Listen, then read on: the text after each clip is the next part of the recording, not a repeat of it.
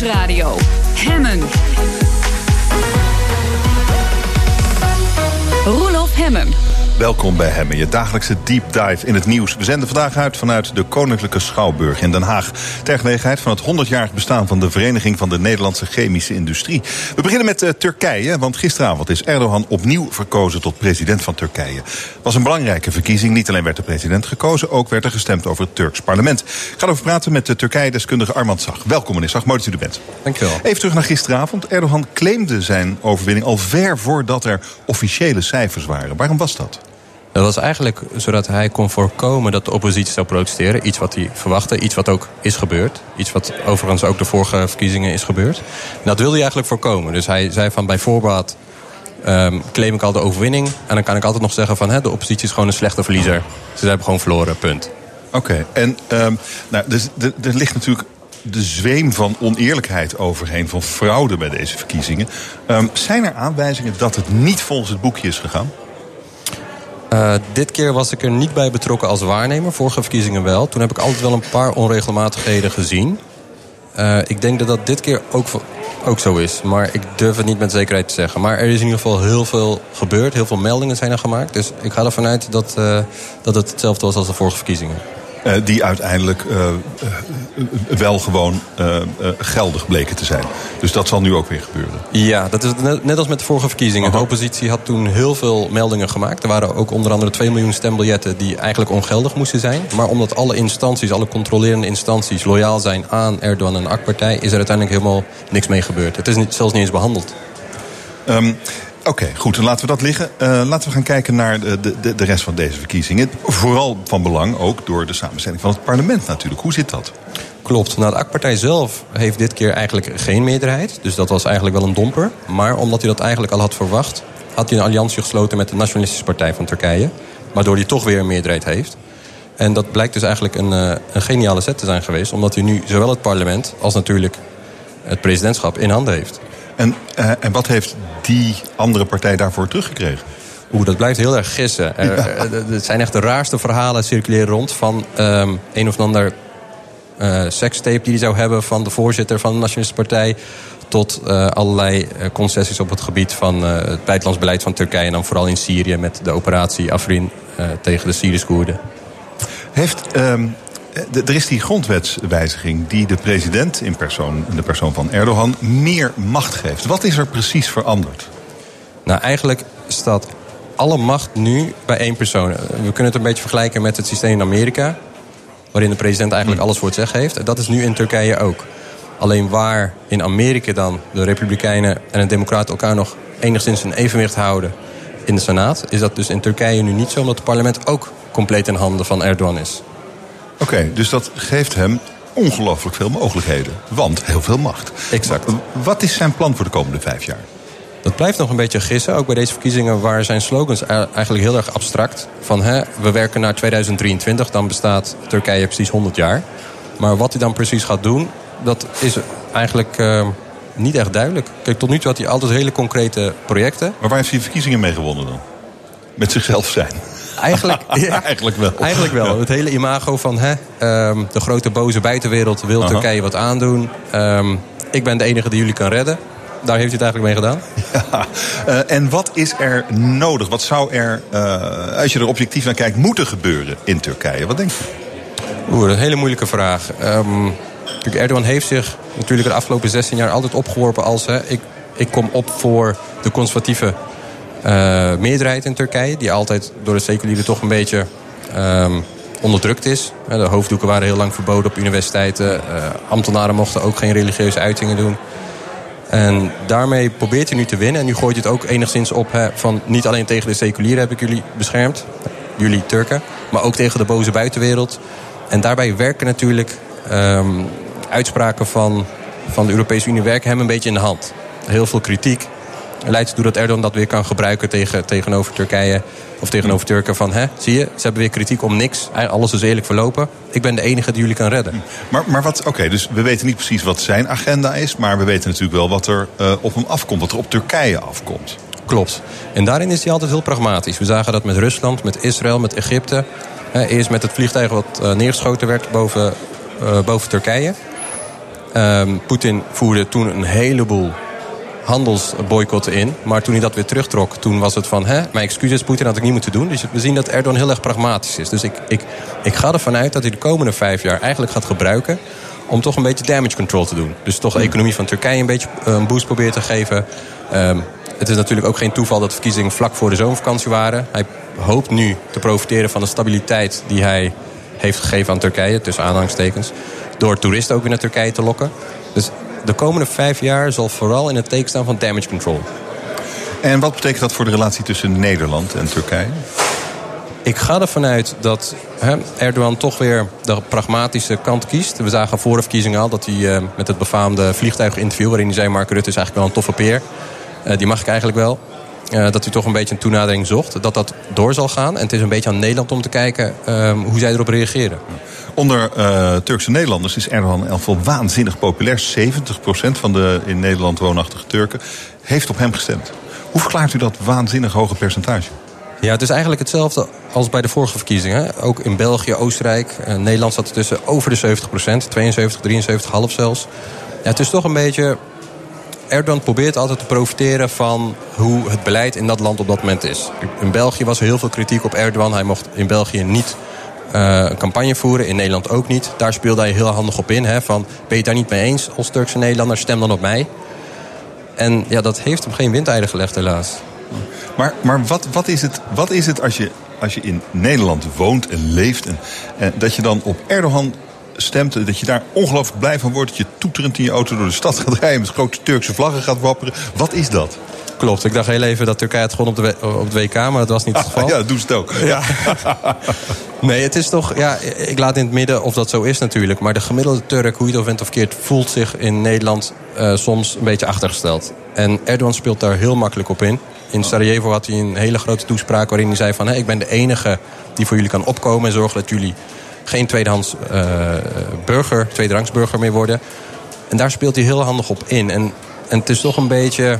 Hè, ik, ik, wil geen verwijten maken, maar het is toch een beetje aan Nederland, België en Oostenrijk... om dat wat beter op te pakken. Hoe dan? Ja, misschien toch... Uh, Laten we eerst eens even kijken, ja. wat, wat zou er mis mee kunnen zijn? Met dat sentiment? Nou, het ergste zou zijn als er echt een, een kern van waarheid in zit. Maar dat, daar ga ik natuurlijk niet vanuit. Dat de gemiddelde Turk um, ook echt heel erg sterk benadeeld wordt. Daar ga ik niet vanuit, maar dat zou mm -hmm. kunnen. Maar aan de andere kant, als dat idee leeft in die gemeenschappen... dan is dat voor die mensen wel realiteit. Zij geloven er heilig in dat ze achtergesteld worden. Ja. Uh, dus misschien zou het helpen om dat toch... Ja, wat zou je eraan kunnen doen? Dat weet ik niet precies. Nee, maar wat, wat gaat Erdogan eraan doen? Ook niks. Ja, eigenlijk ook niks. Als het al zo zou zijn. Nee, wat, nee. wat, wat, is dat dan precies, dat sentiment? Op welk vlak voelen mensen zich dan benadeeld... als ze hier in Nederland of in Oostenrijk of in België wonen? Nee, uh, Erdogan speelde in zijn uh, toespraak in Sarajevo heel erg van... Hè, als je kijkt naar het aantal Turken wat in Europa leeft... maar het aantal politici van Turks komaf wat er is... dan klopt dat niet helemaal. En dat komt omdat jullie gewoon onnodig veel um, hindernissen krijgen. Hmm. Jullie wordt eigenlijk um, de weg belemmerd daartoe. Nou, of dat klopt, weet ik niet. Uh, daar ga ik niet vanuit.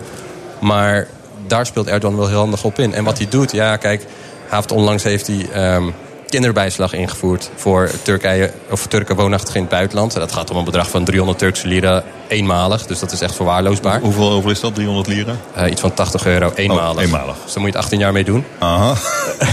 maar waarom doet hij dat? Dat betekent iets. Dat betekent iets veel meer natuurlijk. Het is een gebaar, ja. ja, ja. Zie, ik denk ook aan jullie. Het is, ja. het is niet veel, sorry, maar de economie gaat niet goed. Maar het is wel iets. Ik denk ook aan jullie. En Als je er cynisch naar kijkt, kost een Nederlandse stem 80, 80 piek. ja, zo zou je het kunnen stellen, ja. ja. Maar, wat moet, wat, wat moet, maar, ja, maar wat moet Nederland ermee, als we daar naar kijken? Wat moeten we met dit sentiment en die beïnvloeding vanuit, vanuit uh, Ankara? Ja, ik, gisteren had ik een, um, een heel mooi gesprek met, uh, met een collega van mij uit Italië... die eigenlijk zei van, hè, waarom is er eigenlijk zoveel kritiek? Hij had het dan over Duitsland, vanuit Duitsland op, uh, op de Duitse Turken. Duitsland en Turkije zijn bondgenoten, zitten allebei bij de NAVO. Dus wat is eigenlijk het probleem hmm. als Turkije hier in Duitsland campagne was komen voeren? Nou, dat is misschien een ander uiterste. Maar ergens tussenin moet er toch wel iets mogelijk zijn. Want ik bedoel, het ene extreme is helemaal verbieden. Het andere extreme is wel toelaten. Maar er moet ergens iets uh, mogelijk zijn als gulden middenweg. En ik denk dat dat voor heel veel Turken wel iets zou betekenen. Hartelijk dank voor dit gesprek. Armand Zag, Turkije-deskundige. Dank. Dank je wel. De overheid en ICT, het is vaak een ongelukkige combinatie. Projecten gaan ver over het budget, worden te laat opgeleverd... en de gewenste resultaten worden niet gehaald. De oplossing hoor je zo in... BNR Nieuwsradio. Hemmen. Van goed naar beter. Er gaat heel veel goed in ons land, maar laten we vooral ambitieus blijven. Het kan altijd beter. Vandaag in Van Goed naar Beter een overheids-ICT-project opzetten dat wel werkt. Op tijd, binnen budget en met resultaat. Ik ga erover praten met Hans Strikwarda. Hij is hoogleraar organisatieleer aan de Universiteit van Amsterdam. Dag meneer Strikwarda. Dankjewel. Uh, wat is de belangrijkste reden dat die projecten bij de overheid toch altijd in de soep lopen? Laatst weer bij, bij de Voedsel- en Warenautoriteit. Enorme overschrijding. Veel te laat af. Waarom gaat dit steeds mis? De belangrijkste oorzaak is dat de bestuurder, dus de beleidsinhoudelijke ambtenaar, een directeur, een directeur-generaal, zichzelf niet persoonlijk bemoeit met het zogenaamde functioneel ontwerp van dat computersysteem. Dat wil zeggen, wat moet het doen? Ah. Als je het vergelijkt met het bedrijfsleven, waar projecten van anderhalf miljard, zoals bij Nestlé, wel goed gaan, dan is het de CEO persoonlijk die die functionaliteit opschrijft. Dat zie je ook bij Publicis, dat zie je ook bij IBM. Dat zag je in de tijd ook bij Albert Heijn. En hoe komt het dat de, eh, zeg maar de hoogste ambtenaar van zo'n ministerie bijvoorbeeld... dat die zich dat helemaal niet afvraagt? Omdat in hun denken de rol van informatie niet goed wordt ingeschat. Ze zijn wel gewend aan beleidsinformatie. Maar de financiële informatie, daarvan denken ze dat dat systemen zijn van financiën... voor de jaarrekening, voor het budget. Maar die CEO's die ik noemde, Brabeck, eh, Levy. Eh, dat zijn mensen die snappen dat informatie een kapitaalgoed is. Dat dat je resource is waarmee je productie maakt. En dat zien ze dus niet als kostenpost, maar iets om in, in te investeren. En dat loopt nog niet goed bij de overheid. En hoe zou je daar naar moeten kijken als je de hoogste baas op zo'n ministerie bent? Hoe moet je dan kijken naar, naar zo'n project, die, die functionaliteit waar u het over heeft? Hoe kijk je daarnaar? Hoe verdiep je je daarin? Uh, dan moet je dus weten wat de beleidsdoelstellingen zijn. Dan moet je weten wat. Ja, dat weet hij, dat eerste? Nou, dat, of niet? dat, dat wil ook nog wel eens mist in zitten, natuurlijk. Hè. Maar je moet ook weten hoe, wat oorzaak-gevolgrelaties zijn. Want je hebt natuurlijk niet alleen data nodig, wat veel mensen denken. Maar je hebt ook effectinformatie nodig. Hè. Wat is oorzaak en gevolg?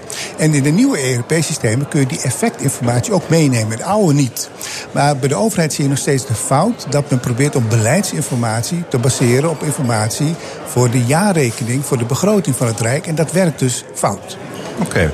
Um, Oké, dus, dus wat ze doen is, ze geven eigenlijk opdracht tot een systeem dat ze niet nodig hebben. Althans niet in deze vorm. Ze hebben een ander systeem nodig. Wat ze krijgen is uiteindelijk een systeem dat geen van beide goed doet.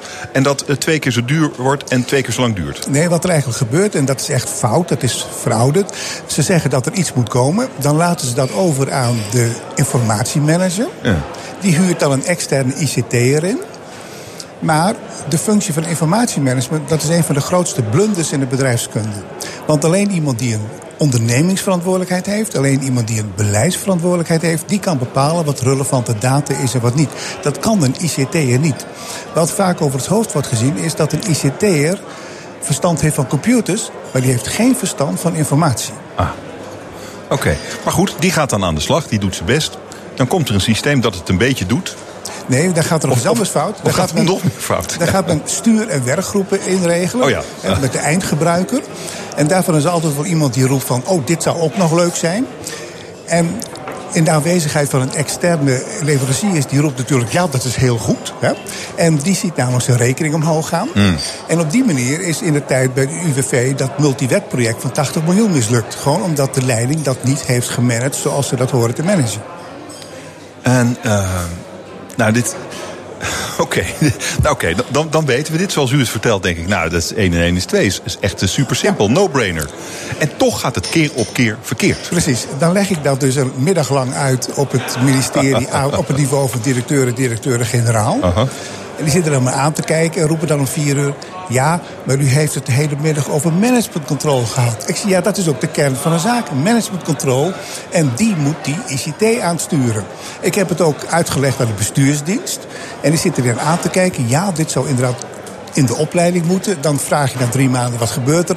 Ja, we doen toch maar weer ICT-projecten. En daar wordt dus een denkfout gemaakt. Er gaat inderdaad het nodige fout op projectniveau.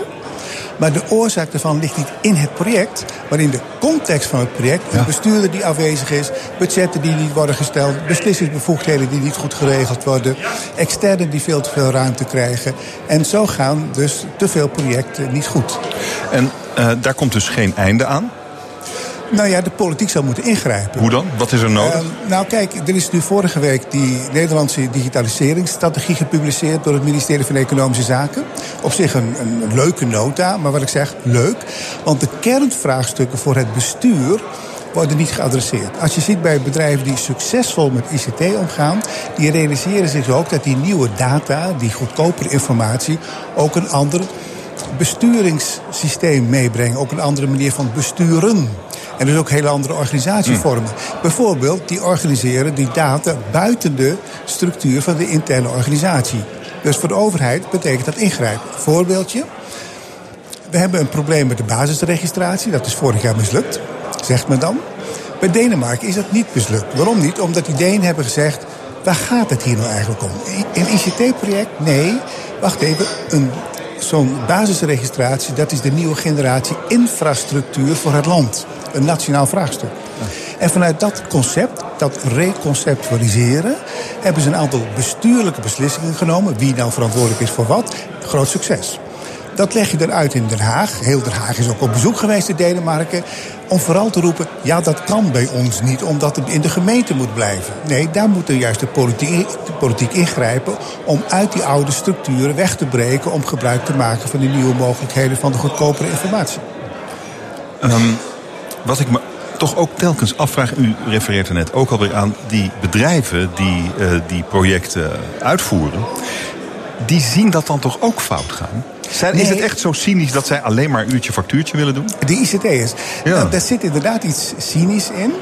Um, een van de belangrijkste kostenveroorzakers van ICT... dat is het gebrek aan zogenaamde semantische datastandardisatie. IBM heeft dat in de jaren 90 wel ingevoerd, miljarden mee verdiend. Uh, Nestlé heeft dat rond 2000 ingevoerd, miljarden mee verdiend.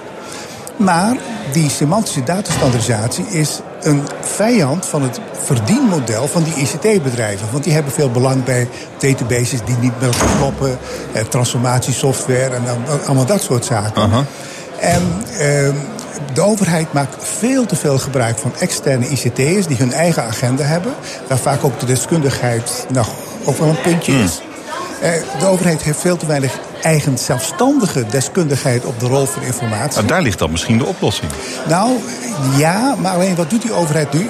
Die gaat dus meer ICT'ers inhuren. Nou, en die komen dan binnen in een overheid die nog werkt met het totaal verouderde negen vlaksmodel. Het Business IT Alignment model, wat al sinds 2000 als totaal valikant fout geldt. En dan komen die dus binnen in een cultuur, in een mentaliteit... waarin ze dus niet echt veranderingen kunnen doorvoeren. Dus daar moet een andere ingreep zijn door de politiek. Oké, en ziet u dat dan gebeuren? Uh, nou, het begint wel te prangen. Want kijk, uh, wat speelt is dat de arbeidsproductiviteit in Nederland onvoldoende groeit. En we zien ook in de OECD-cijfers dat Nederland op zich redelijk investeert in ICT. Dat doen we best wel aardig. Alleen we halen niet, niet, niet eruit wat erin zit. Andere landen als Denemarken, maar ook Amerika doen dat beter. En daarvoor moet je dus uh, veel meer druk leggen op die arbeidsproductiviteitsstijging. Bovendien reduceer je daarmee ook de stress bij kenniswerkers. Want dat heeft met information anxiety te maken. Omdat die organisaties niet goed zijn. En daar zal dus uh, de minister van Sociale Zaken... in samen met Economische Zaken op een heel andere manier te werk moeten gaan... dan nu met zo'n digitaliseringsstrategie. Maar, maar, maar ziet u dat al ontstaan? Uh, de concepten zijn er wel voor, maar uh, er moet nog veel discussie uh, plaatsvinden op zowel ambtelijk niveau, maar ook bij de Tweede Kamer. En de overheid moet eens een keer leren om niet altijd in de koplampen te kijken van registeraccountants. Want de registeraccountants heeft hier geen verstand van, van ICT'ers. Ehm, want daardoor gaan veel dingen fout.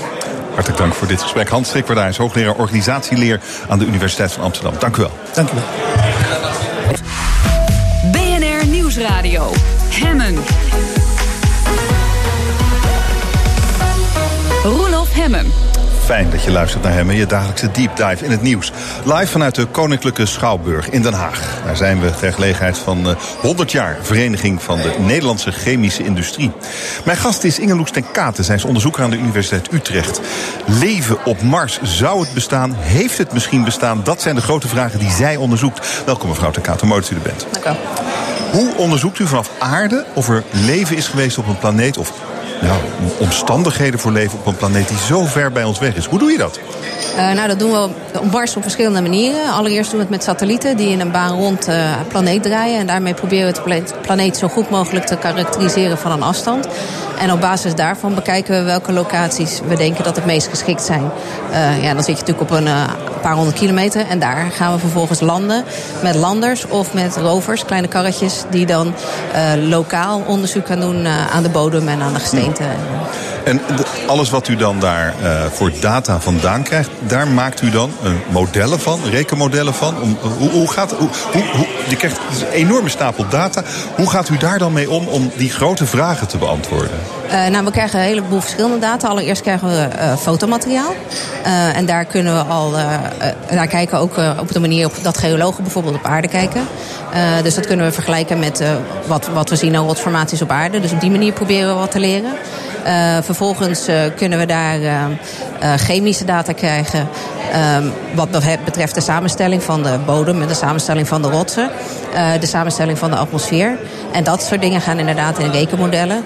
maar wat ik zelf bijvoorbeeld doe, is in het lab scenario's modelleren. En ook, dat is ook weer vrij chemisch, om dan te kijken van nou, als we dit stukje van Mars nu of Mars vroeger nabootsen, hoe zijn dan bijvoorbeeld bepaalde stenen of bepaalde organische moleculen gevormd. Dus u kijkt dan ook nog eens een keer terug in de geschiedenis? Ook dat nog, ja. Dus u kijkt naar een planeet die oneindig ver weg is... en dan ook nog eens terug in de tijd. Ja. en wat vindt u dan? Uh, nou, wat we nu hebben gevonden met, uh, met Curiosity, uh, dat is natuurlijk redelijk recent nieuws. Mm -hmm. die rijdt sinds 2012 rijdt hij op Mars rond. En wat we begin 2013 al hadden gezien, is in de krater waar hij geland is, dat daar de condities voor leven zo'n 3,5 miljard jaar geleden gunstig was. Nou denk je 3,5 miljard jaar geleden, dat is heel lang geleden, maar dat was precies rond dezelfde tijd dat op aarde leven ontstaan is. Kijk, als je nu naar Mars kijkt, dan zie je dat Mars heel anders is dan de aarde. En eigenlijk nou niet geschikt voor leven zoals wij het kennen. Uh, maar in de tijd dat op aarde leven ontstaan is, leken de condities uh, best gunstig. Uh, we hebben voorlopig op Mars nog steeds geen leven gevonden. dus een van de dingen waar we naar kijken is waarom vinden we het daar niet? Is het daar? Zijn naar bijvoorbeeld bouwstenen van leven? Wat we nu recent hebben gevonden zijn organische moleculen. Uh, dat is een, een, een, subset chemische moleculen. Uh, en daar weer een onderdeel van zijn moleculen die leven nodig heeft. En de organische moleculen die Curiosity nou gevonden heeft, daarvan kunnen we nog niet zeggen of die gerelateerd zijn aan leven of niet. Mm -hmm. uh, maar we zien in ieder geval dat dit soort moleculen 3,5 miljard jaar bewaard is gebleven in rotsen. Ja, ik blijf toch even hangen aan wat u zei over dat het gelijktijdig de omstandigheden waarschijnlijk zo waren dat er leven kon ontstaan op aarde en op Mars.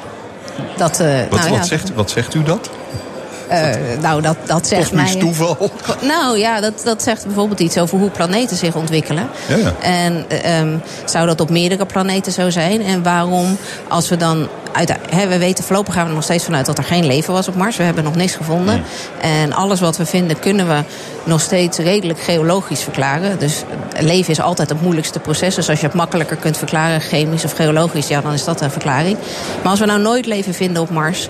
Uh, of bewijs van leven vinden op Mars... terwijl we het wel hebben op de aarde... wat maakt er dan de aarde specialer dan Mars? Dus de, een van de redenen om Mars te bestuderen... Uh, is A, om te kijken hoe een planeet zich kan ontwikkelen. Uh, maar B, ook waarom heeft de aarde wel uit leven... en waarom bijvoorbeeld een planeet als Mars niet? Precies, want uh, we brengen het natuurlijk misschien te makkelijk terug naar de vraag... is er leven op Mars?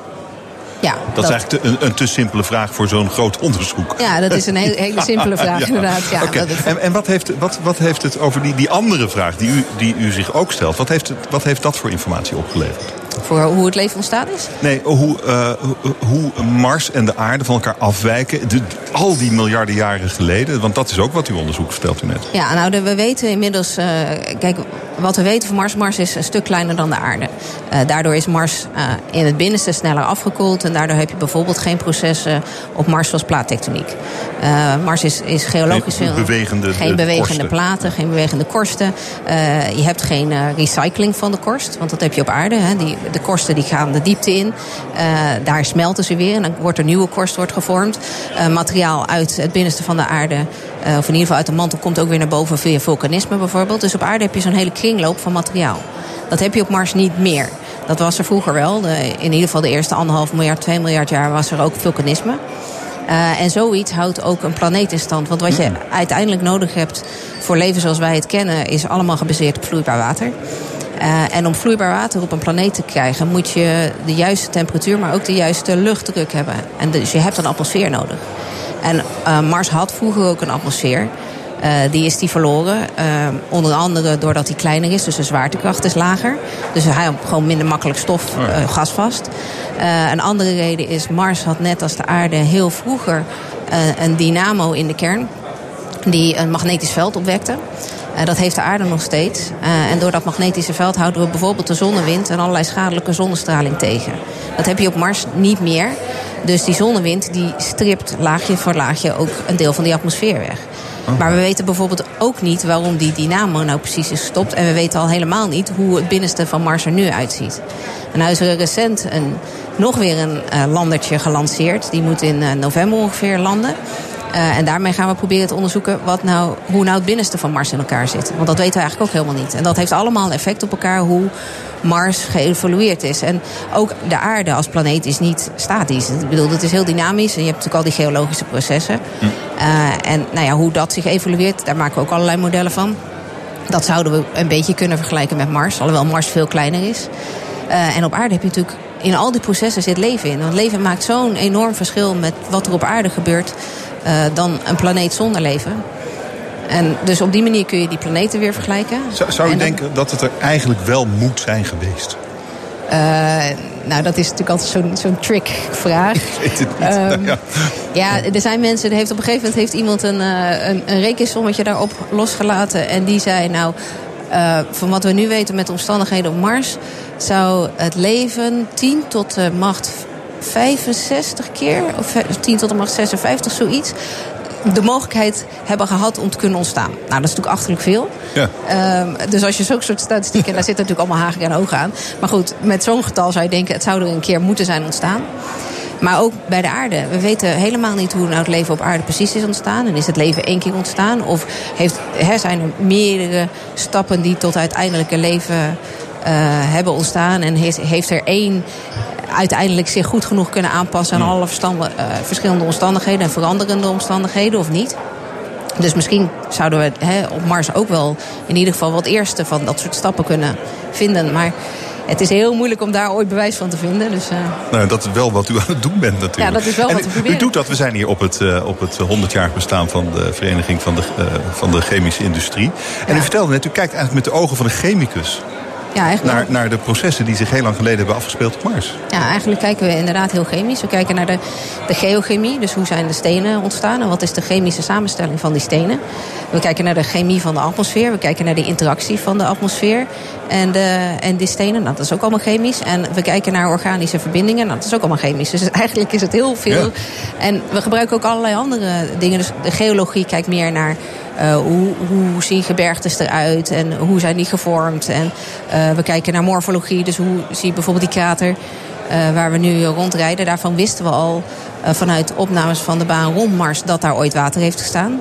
En dat kunnen we weer zien aan afzettingen. Nou, dat is, dat is niet chemisch, dat is meer fysisch. Uh, maar uiteindelijk kijken we naar de chemische samenstelling van die stenen die daar weer zijn afgezet. En wat is precies, uh, want dit is natuurlijk een heel internationaal project, dat Marsonderzoek. Ja. Wat, wat, is, wat is, hoe groot is Nederland daarin eigenlijk? U en uw collega's. Nou, op, ik was te, toen Curiosity gelanceerd was, de enige Nederlander die erbij betrokken was. Dat Ja, is niet heel groot. Eh, ik ben er op dit moment ook niet meer direct bij betrokken. Ik heb daar Oh. vijf jaar in dat team gezeten waar we dat instrument hebben ontwikkeld. Daarna ben ik er nog een beetje bij betrokken. Maar ik doe nu eigenlijk meer onderzoek dat gerelateerd is aan de data... dan dat ik daadwerkelijk die data binnenkrijg. Dus dat, dat doe ik nu niet meer. Eh, in Nederland zijn er wel, groepen die aan, eh, wel wat groepen die aan Mars werken. Maar er is op dit moment niemand, ook niet bij de, de landen die... Dat is niet waar. Bij de landen die net gelanceerd is... is een Nederlander, ehm, Jeroen Tromp... die werkt aan de Universiteit van Princeton. Die is wel eh, betrokken. Dus in de volgende missie zit Aha. weer een, een, een Nederlander in Amerika. Maar goed, er zit in ieder geval een maar wel in. Amerika. Maar, maar is het, er is Ja. dus eigenlijk, eigenlijk zijn we niet zo heel groot. Is dat, is dat, eh, komt dat omdat we er te weinig geld voor over hebben... voor dat soort grote, grote onderzoeken, grote vragen? Nou, wat je ziet is in het verleden, en dat is eh, ja, eigenlijk al een jaar of 30, 40 geleden, denk ik. ehm, er is natuurlijk maar een beperkt budget voor eh, onderzoek. En eh, op een gegeven moment is er besloten van nou, we gaan ons in een aantal vakken specialiseren. Nou, Nederland is natuurlijk al heel lang heel groot in eh, sterrenkunde, astronomie. Dus daar wordt heel erg op gefocust. Eh, aardwetenschap is in Nederland, was natuurlijk in Nederland heel belangrijk vanwege Shell. We hebben veel industrie, zoals nou ja, andere geo-industrieën. Dus daar zit heel veel aardwetenschappen nog in. En daartussenin zitten natuurlijk de planeten. En ja, daar, daar was nooit heel veel animo voor. En wat we nu zien is dat dat vind ik natuurlijk heel leuk, gelukkig, eh, aan het veranderen is. Je ziet veel meer animo komen voor planeten. Ehm, nou ja, er komt natuurlijk toch een beetje een schifting in eh, wat doen we met de olieindustrie. En je merkt dat studenten, sommige studenten wel, maar er is toch daar wel wat minder enthousiasme, heb ik de indruk. En je ziet dat studenten ook steeds geïnteresseerder zijn in, in dit soort grote vragen. Toen ik studeerde waren er een paar studenten geïnteresseerd in planeetwetenschappen. Die gingen dan voornamelijk naar het buitenland. En, eh, dus het begint wel een beetje op te komen nu. En het, het staat ook wel eh, in de plannen dat er eh, dat ook wat ruimtevaart betreft... planeten toch wel een, een belangrijk onderdeel is. Eh, zometeen praten we verder over de zoektocht naar leven op Mars. BNR Nieuwsradio. Mijn gast is Inge Loes ten Katen. Zij is onderzoeker aan de Universiteit Utrecht. En waar zij onderzoek naar doet is de vraag... was er ooit leven op Mars? Eh, mevrouw ten Katen, eh, wat, wat ik me afvroeg is... De, eh, u zoekt naar die hele grote vragen. Maar dat zijn natuurlijk allemaal kleine stapjes op weg naar het antwoord. Wat Ja. is nou het volgende kleine stapje... waar u erg op hoopt dat u er een antwoord op krijgt? Ehm, nou, als we kijken naar Mars, ehm, hoop ik dat we op meer plaatsen van dit soort organisch materiaal gaan vinden. Ehm, dat we ook begrijpen wat de- oorsprong van dit organische materiaal is. Of het leven was of niet? Ja, of anders, want we weten dat bijvoorbeeld via meteorietinslagen en via interplanetaire stofdeeltjes en komeetstaartdeeltjes en zo, die komen op aarde nu nog steeds binnen. Eh, die, die kunnen we vinden bijvoorbeeld op Antarctica en kometen die, ja, of eh, meteorieten die landen nog wel eens. Eh, en op Mars komen dat soort deeltjes ook allemaal binnen. Er is een dunnere atmosfeer, dus het brandt ook niet op. Dus we weten dat, dat, dat op die manier organisch materiaal binnenkomt. Maar ja, de vraag is, komt dit materiaal hier vandaan of is het ergens anders? En, en dat is natuurlijk de volgende vraag die we proberen eh, uit te vlooien. En eh, gaat u daar eh, binnen afzienbare tijd een antwoord op krijgen, denkt u? Nou, ik denk niet binnen nu en vijf jaar. Maar wie weet... Ja, u denkt in hele grote termijnen natuurlijk. ja, dit, Maar dit- waarom, vindt u, waarom vindt u dit onderzoek naar die hele grote, bijna onmogelijk te beantwoorden vragen zo interessant? Omdat je alles kan combineren. En ik, ik ben niet, niet een superspecialist. Dus ik vind het heel leuk om juist al die dingen bij elkaar te brengen. En, en ja, uiteindelijk, ik, ben, ik wil heel graag weten hoe het leven op aarde ons- is ontstaan. Wa- waarom wilt u dat weten? Eh, ja, ik- Ja, is dit, dus, is misschien, dit klinkt als een domme vraag, maar het is, Nee. ik, ik meen hem wel. Ja, nee, dat snap ik. Ja, dit, dit, waarom wil ik dit weten? Eh, Nieuwsgierigheid, denk ik. Dit is voor mij de... Zijn wij de enige? Hoe is het leven op aarde ontstaan? En kan het ergens anders ook? Ja, ja, maar wat betekent dat dan voor u persoonlijk? Ik bedoel, ja, eh nieuwsgierig. U bent een wetenschapper. U, u- Ja, het- uw leven is, is dit, namelijk zoeken naar. eh, ja, naar maar ik vind het heel onbevredigend dat er leven is... en dat we geen idee hebben hoe Ja, het er is gekomen. Ik bedoel, waarom zijn wij hier en hoe komen we hier? En ja, die vraag kun je van allerlei hoeken natuurlijk aanvliegen. En ik doe dat van de wetenschappelijke kant of de, de beta-wetenschappelijke kant, moet ik zeggen. En u bent daar natuurlijk al een tijdje mee bezig. Maar heeft u, heeft u eh, op, op één van al die vragen al een, al een keer antwoord gekregen? eigenlijk niet, nee, denk ik. eigenlijk niet. We weten het gewoon Nee, niet. het Is, en is dat, dan niet, eh, is dat dan niet een beetje frustrerend? Eh, nou, aan de ene kant wel. Aan de andere kant... eh, ehm, eh, je kunt wel bijdragen aan het oplossen van die, van die vragen. En dat is, je ziet ook dat er steeds meer momentum al- voorkomt eh, in, in de wereld. Maar je ziet het ook in Nederland nu. Ehm, een paar jaar geleden was er de Nationale Wetenschapsagenda... waarbij het, iedereen kon vragen stellen aan wetenschappers. en daar zijn verschillende onderzoeksroutes uit gekristalliseerd. En een daarvan ging inderdaad over het hm. ontstaan van leven... en de mogelijkheid van leven buiten de aarde. En toen zijn we met een hele groep wetenschappers binnen Nederland bij elkaar gaan zitten. En toen hebben we elkaar, oh, ja, ons eigenlijk met elkaar verenigd. En uh, wat we nu aan het doen zijn, is we hebben een, een virtueel onderzoekscentrum opgericht. Of een onderzoeksinstituut, het Origin Center. Mm um, en um, daarin proberen we juist dit soort vragen te beantwoorden. Dus hoe is het leven ontstaan? Uh, hoe uh, evolueert een planeet en leven? Wat is de invloed van leven op de evolutie van een planeet? Wat is de invloed van de evolutie van een planeet op, hoe leven evolueert? Uh, kunnen we hierdoor iets zeggen over of er leven ergens anders mogelijk is, bijvoorbeeld op Mars. Of op een van die honderden exoplaneten die we inmiddels ontdekt hebben. Maar kunnen we bijvoorbeeld ook iets zeggen over hoe, hoe leven überhaupt? Kunnen we dat voorspellen? Hoe leven mm -hmm. zich verder gaat ontwikkelen? En, en dat zijn ja, hele grote vragen. Maar daar, daar kun je alleen maar met heel veel mensen in hele kleine stapjes aan werken. Dus dat is, ja. En het Origin Center is een soort virtueel onderzoekscentrum. Wat is dat precies, virtueel onderzoekscentrum? Nou, we hebben geen gebouw en voorlopig zijn we uh, uh, ja, een groep hele enthousiaste wetenschappers bij elkaar. We krijgen hier ook niet apart voor betaald. Uh, er is ook op dit moment geen onderzoeksbudget uh, wat hiervoor geallockeerd is. Wat we binnen dit onderzoekscentrum moeten doen. En dat gaan we ook vanaf september doen. We moeten gewoon onderzoeksvoorstellen schrijven. En dat worden onderzoeksvoorstellen waarmee we elke keer een stapje dichter bij die grote vragen proberen te komen. Waarbij we consortia gaan vormen van verschillende onderzoekers uit verschillende vakgebieden. En wellicht ook verschillende universiteiten die met elkaar gaan samenwerken. Om stukje bij beetje naar dit soort vragen uh, toe te werken. Maar u zegt het is eigenlijk vrijwilligerswerk.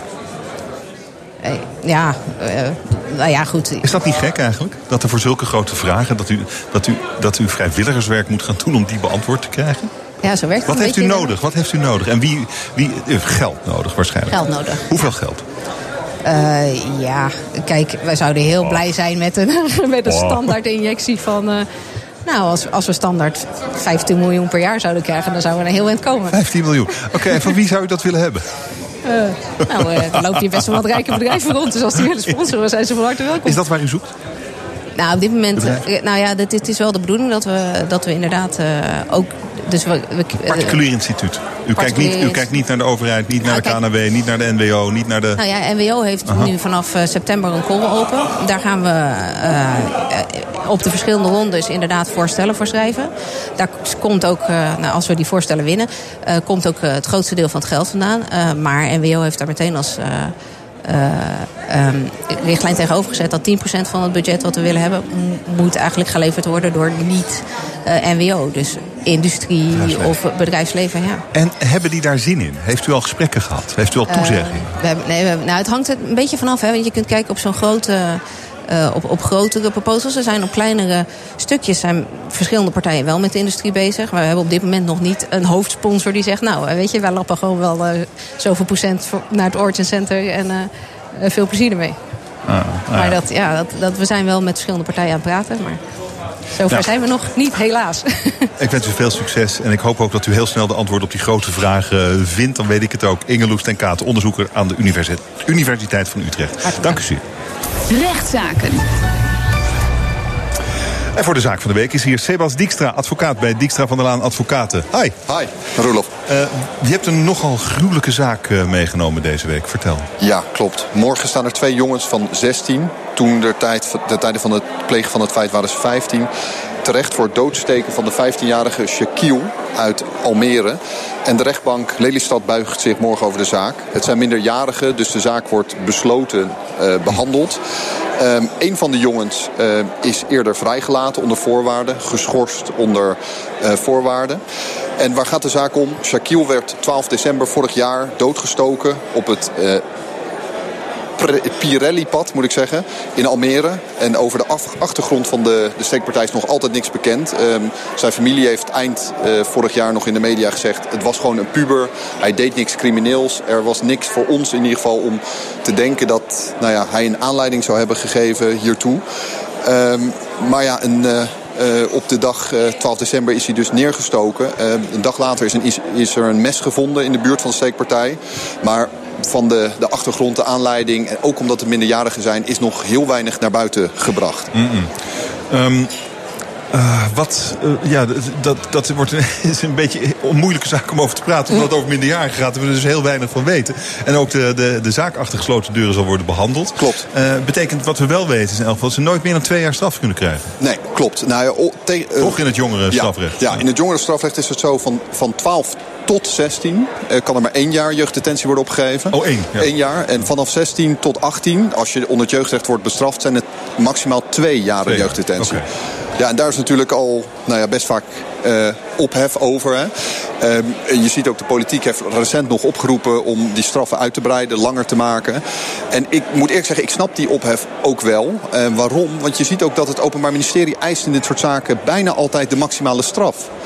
Dus dat zegt ook wel iets over die maximale straf. Dat dat niet meer helemaal passend is. Uh, ik bedoel, ook jeugdigen, die moeten natuurlijk pedagogisch worden uh, ja, ja, bijgeschoold, laat ik het zo zeggen. Maar wacht even, je zegt iets, iets wat me even bezighoudt. Die, die straf is niet meer passend. Wat is er dan veranderd? Nou ja, met, nou, wat ik, dat is even mijn persoonlijke mening. Wat ik vind, op het moment dat het Openbaar Ministerie bijna altijd de maximale straf eist... dat zegt dan iets over het maximale. Dat dat, dat, Lees dat vroeger niet? Gevoelsmatig, ja, dat, ik, ik kan niet 30 oh. jaar teruggaan, maar in ieder geval, bij, bij bijvoorbeeld de moord op uh, Romy, uh, die kennen we allemaal. Het jonge meisje, ook door minderjarigen. Uh, de moord op Savannah, die speelt nu. En in al, in al dat soort zaken, jeugdigzaken, wordt die maximale straf geëist. Of bijna allemaal. En dan, ja, dan vraag je toch af, is die maximale grens wel de, de grens die bij bij ons pas voor het afstrafdeel. En ja. men zegt natuurlijk, onder het jeugdstrafrecht... daar moet natuurlijk het pedagogische centraal staan. Hmm. Maar ja, je hebt ook nog iets te verantwoorden naar de buitenwacht toe. Laten we, laten we daar eens over filosoferen dan. Wat, zou, wat zouden betere straffen zijn voor jeugdigen in jouw ogen? Nou, kijk, van, van 16 tot 18 bestaat ook het, uh, het uh, adolescentenstrafrecht. Hè. Op het moment dat iemand voorloopt qua ontwikkeling... kun je met de juiste onderbouwing kun je iemand onder het volwassen strafrecht laten vallen. Maar dat gebeurt natuurlijk ook niet aan de lopende band. En ja, op het moment dat iemand van 17 uh, iemand in koele bloeden doodsteekt... en, en de, de, de straf, hè, de, de werkelijke straf is twee jaar detentie... Ja, dat gevoelsmatig uh, nee. voelt dat niet als afstraffen.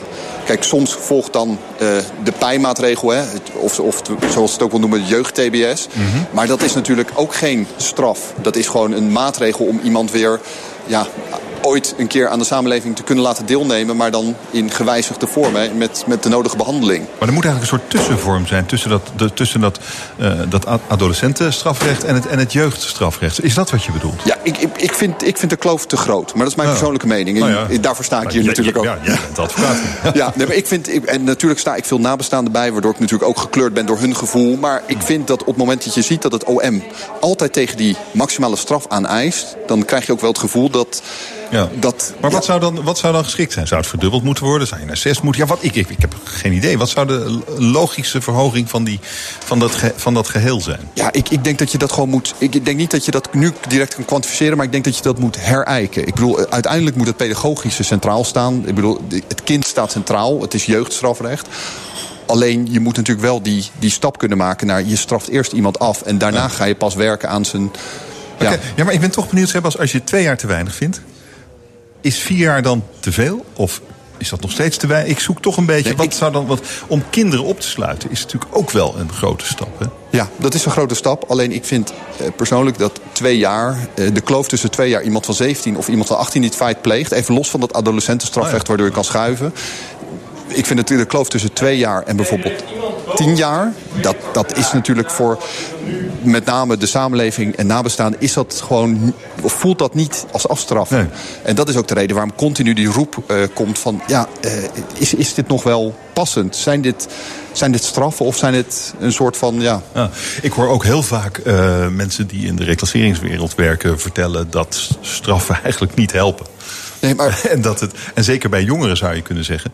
Uh, misschien is het wel goed om heel snel te beginnen met behandeling. Maar daar ben ik het mee eens. Dat het geldt hetzelfde als iemand die zijn, zijn, zijn afstraffing ondergaat... en dan alvast met zijn behandeling kan beginnen. Ja, ja. Pak bijvoorbeeld uh, nou ja, de, de, de, ik moet zeggen, de verdachte in de zaak Anne Faber. Hoe eerder hij aan zijn behandeling kan beginnen, hoe beter. Alleen uh, de crux vind ik wel dat uh, een deel van het strafrecht... is natuurlijk ook het leed toevoegen. Hè? Dat, of, oftewel het afstraffen. En ik vind dat het in het jeugdstrafrecht iets te weinig... Ja. Um, naar voren komt. En, en met name, ik bedoel, ik spreek natuurlijk ook heel erg namens veel nabestaanden... die, mm. die één of twee jaar gewoon ja, niet te ver... Die, zien dat niet als straf, dat zien dat gewoon als lang huisarrest... in plaats van als een, als een afstraffing. Die twee jongens in deze zaak, 16 jaar oud. Ehm, wat, is jouw, wat is jouw ervaring met dit soort zaken? Komt dat nog goed een keer met die jongens, later? Ja, wat, wat wij in, de, in het strafpiket, hè, dat is waar je dus verdachten tegenkomt, vaak ziet, is dat heel veel mensen, of heel veel uh, delinquenten die uh, vroeger in de pijmaatregel hebben gezeten, dus het, het oude jeugd, of het nieuwe jeugd-TBS, hoe je het ook wil noemen, dat die vaak wel uh, op latere leeftijd nog wel een paar keer terugkomen. En dat is, dat is, even, dat is praktijkervaring. Hè. Dat, is, kan, is, dat is nergens op gebaseerd. Maar, maar die zegt dat het eigenlijk niet helpt. Nee, ik, ik, zeg, nee maar ik zeg dat je hebt dan een bepaalde predispositie... om natuurlijk uh, vaker met justitie in aanraking te komen. Ik bedoel, mensen kunnen nog zo goed behandeld worden... maar dat voorkomt niet altijd dat ze nou ja, nog goed terecht zullen komen. Ja, we gaan deze zaken in de gaten houden. Dankjewel, Sebas Dijkstra, advocaat bij Dijkstra van der Laan Advocaten. Dank je zeer. BNR Nieuwsradio. Hemmen. Roelof Hemmen. Fijn dat je luistert naar Hemmen, je dagelijkse deep dive in het nieuws. We zenden vandaag uit vanuit de Koninklijke Schouwburg in Den Haag... ter gelegenheid van het 100-jarig bestaan van de Vereniging van de Nederlandse Chemische Industrie. En we gaan ook praten over de chemietak van Nobel. Verkocht aan Amerikaanse en een Singaporese investeringsmaatschappij. En de man die deze overname in goede banen moet leiden... is chemieveteraan Werner Voerman. Al sinds eind jaren 70 werkzaam bij AXO... was tot januari de baas van AXO Specialty Chemicals... kwam terug van pensioen om de overname goed te laten verlopen. Dag meneer Voerman, mooi dat u er bent. Welkom. Dank u wel. Uh, Axel Nobel uh, kennen we van de verf en de lakken. Maar uh, de chemietak, die kennen we ook. Van de zouten, de jozo, het wegenzout, chloor, haarlak, wat nog meer? Ja, we zijn uh, vele gebieden bezig. Hier in Nederland is het inderdaad hier de zoutketen. Zout als grondstof hier ook voor de chemische industrie. Naar de chloorfabrieken en naar andere producten. En eh, in andere landen zijn we heel sterk bezig, ook hier met uh, bleaching chemicals en met surfactants, dus oppervlaktechemie, doen we vooral in Amerika en in het noorden hier van, van Scandinavië. En wat is dat precies, dat bleaching dus, en oppervlaktechemie? Ja, ble ble bleaching zorgt ervoor dat, uh, dat het papier en het pulp dat dat gewoon wit is. Ah, oké. Okay. Ja, ja, Mooie witte papiertjes, ja. Ja, precies. En, en uh, oppervlaktechemie, wat is dat? Ja, oppervlaktechemie, dat vind je in detergenten. Dat is, uh, dat is uh, belangrijk hier ook in de agrosector. Vind je eigenlijk overal in de industrie. Dat vind je hier voor, om smeermiddelen te maken, hier voor, voor automobielen. Dus dat is een bepaalde functionaliteit die we dan aanbieden naar andere grote, uh, bijvoorbeeld aan de Bayers en de BASF's. Dat zijn producten die bepaalde functionaliteit leveren naar vooractieve chemicaliën. Nou, het is een groot bedrijf. Uh, bijna 2500 man in uh, Nederland, als ja. ik mij niet vergis. En uh, in vele buitenlanden nog veel meer. Wat is precies de omvang van Chemicals Special? Ja, Specialty Chemicals is ongeveer, ongeveer zo'n 5 miljard euro omzet. Dat is een derde van Axel Nobel. Er werken rond pakweg ongeveer 10.000 10 mensen. Nou, waarvan 2.500 hier in, in Nederland. Ja. u was de baas, de CEO van, van, van, deze tak van AXO. Ja. U ging met pensioen. Toen werd de tent verkocht aan Carlyle en die uh, GIC, die Singaporese investeringsmaatschappij. Toen kwam hij weer terug van pensioen. Ja, dus dat was, ik heb het niet op eigen verzoek gedaan. Dus ik was inderdaad twee, drie maanden met pensioen. Toen ik een telefoontje ontving, zei ik, wil je weer terugkomen. Omdat mijn opvolger, nou, die werd dan hier de CEO van Axel Nobel, Thierry van Lanke. Dus ik ben mijn eigen opvolger weer opgevolgd. en uh, ik kan mij voorstellen dat, dat een pensionering iets is waar je uh, heel erg mentaal vooral op voorbereidt. Dat je denkt van nou, nu hou ik ermee op. En dat je dan een soort nieuwe invulling van je dagelijks bestaan moet vinden. Ik neem aan dat dat bij u ook zo ging. En dan komt daar opeens dat telefoontje. Wat, dat zet die hele, uw hele wereld weer op zijn kop, denk ik. Ja, dat is ook zo'n kunstje. Ik heb ook daarnaar uitgekeken. We, we, hebben kinderen, we hebben nog drie kleinkinderen. Dus uh, ik wil daar uh, per se ook samen met mijn vrouw daar meer tijd aan doorbrengen. En dat laatst past niet altijd goed samen. Maar mijn vrouw zei achteraf, je bent er niet klaar geweest voor de pensioen. Nee, nee. En, en, en waarom dacht zij dat? Nou ja, omdat ik toch altijd bezig ben en toch nog verworteld ben uh, als je ergens uh, bijna 40 jaar gewerkt uh, hebt. Nou, dat blijft toch nog in die hoofd zitten. Oké, okay, maar u moet eigenlijk het bedrijf klaarmaken voor, nou, voor, voor het losmaken van AXO. U moet het klaarmaken voor ja. de verkoop. Um, dat is wel iets heel anders, denk ik, dan een bedrijf leiden dat, nou ja, waar, waar je helemaal ja. verantwoordelijk voor bent en blijft. Ja, dat klopt. Maar wij zijn heel blij met de uitkomst. Dus we hebben een zogenoemde dual-track-proces gevolgd. Daar zijn we drie kwart jaar mee bezig geweest. Dus we hebben met een heleboel geïnteresseerde partijen gesproken. Private equity, strategische mogelijke kopers. En ook een listing, dus aan de beurs gaan. En we hebben al deze opties tot op het laatste moment opengelaten. En toen bleek dat de optie hier aan Carla de verkopende beste is. Nou, dat is een goede oplossing hier voor uh, Axo Nobel. Dus wat overblijft, Plankton Coatings. Nou, onze huidige shareholders die vangen een goede prijs hier voor de chemie. En voor Carlyle zijn we nu core business. Dus dat is een heel grote investering ook geweest voor de nieuwe eigenaar. Mm -hmm. Ze hebben Axo Nobel als uh, chemicals als geheel gekocht. En uh, zij willen groeien. Met deze, met deze nieuwe eigenaar denken wij dat we harder kunnen groeien dan onder de umbrella, dan onder het dak van Axo Nobel. Okay. Dus de motivatie hier in het management en ook hier in, uh, van alle medewerkers, die is zeer hoog. Dus we kijken inderdaad uit hier naar deze nieuwe ownership. Okay. Dus kortom, goede oplossing voor de, voor de huidige aandeelhouders, goede oplossing hier voor de medewerkers. En ik ben zeker dat we ook waarde kunnen creëren voor de nieuwe eigenaar, dus Carlyle en GSC. Maar wat was het uh, probleem onder de paraplu van AXO? Ja, dat was uh, dus voorop, dat de chemie was, was zeker geen probleem. Dus nee. dat is een zeer goed presterend uh, business. En wij behoren tot de top quartile als het naar de financiële hier performance gaat in de wereld. Dus er was uh, absoluut niks mis mee. Nee. Maar hier de focus hier binnen Axel Nobel is nog over de jaren meer en meer naar, naar verf en coatings gegaan. Onder meer door twee grote acquisities, Quartals en ICI. Ja, en uh, als je alles tegelijkertijd wil groeien, dan gaat dat niet goed. En vandaar is deze focus. Dus uh, gaat zich nu op verf en concentreren. En wij hebben een separate taak, dat is heel goed. Voor allebei, voor beide businesses. Uh, u zegt dat u tevreden bent met, met de overnemende partij, Carlyle. Uh, dat is natuurlijk wel een investeringsmaatschappij. En die staan erom bekend dat ze een tamelijk korte uh, horizon hebben. Uh, korte investeringstermijn, jaar of zeven, willen ze er weer uit. Heeft u de garantie dat dat nu niet zo zal zijn bij Carlyle? Nee, Carlyle, dat zeggen ze natuurlijk, die kopen businesses, dat is private equity, ja. om ze weer door te verkopen. Maar daar is absoluut niks mis mee. Als we naar ons huidige aandeelhouders kijken van Axo Nobel, nou, daar is gemiddeld, is de, houden de mensen de, de aandelen voor één jaar. Wij verkopen één, of één miljoen uh, aandelen worden elke dag gehandeld. We hebben 250 miljoen, dus bijna elk jaar nieuwe aandeelhouders. Mm -hmm. En een Carlyle, die blijft nu juist langer in. Nou, die blijft uh, twee, oh, ja. drie, vier, vijf jaar. En er is maar één aandeelhouder met een partner, met GIC. Dus er is veel makkelijker en sneller zaken te doen dan elk kwartaal uit te leggen hier waarom we nu al dan niet in de chemie of, of in de paint coatings geïnvesteerd hebben. Ah, dus dat is een voordeel. Dus het bedrijf wordt slagvaardiger wordt daardoor. Slagvaardiger. En, en ja. wat denkt u dat er, dat er dan zal gebeuren met het bedrijf? Wat, hoe u zegt, we willen groeien. Hoeveel wilt u groeien? Wat denkt u dat realistisch is? Nou goed, daar kan ik nu in openbaarheid niet zo, niet zo over praten. We hebben uiteraard een, een strategisch plan, een vijfjaarplan. Ja. En op deze basis zijn we dan naar de, naar de huidige aandeelhouders gegaan en naar private equity. En uh, nou, wij denken dat we uh, op zijn minst zo hard kunnen groeien als deze één sectoren waar wij in zitten, of nog iets harder. Omdat we overal in 80% van ons portfolio hebben leidende marktposities. Dus de aanname is dat we hier met de markt groeien. En dat zijn wel 3, 4% per jaar. En het liefst nog een beetje harder. En dat liefst nog een beetje harder, ja. klopt. Ja, uh, maar daarvoor moet het geld dan nog zijn. Nou, als je producten wilt maken in de chemie, nou, dat kan, kan door uitbreiding van bestaande installaties, maar er horen nog nieuwe installaties bij. En we moeten nog de, de vraag volgen. En dat is dan natuurlijk meer in Azië dan in andere regio's. Um, het is wel zo dat er. Um dat Carlyle heeft, heeft wel een geschiedenis van, van snelle verkopen. Ik noem uh, Symmetric Group, Italiaanse liftenproducent, binnen twee jaar uh, verkocht. Uh, Beats van Dr. Dre, dat was geloof ik nog binnen een jaar verkocht.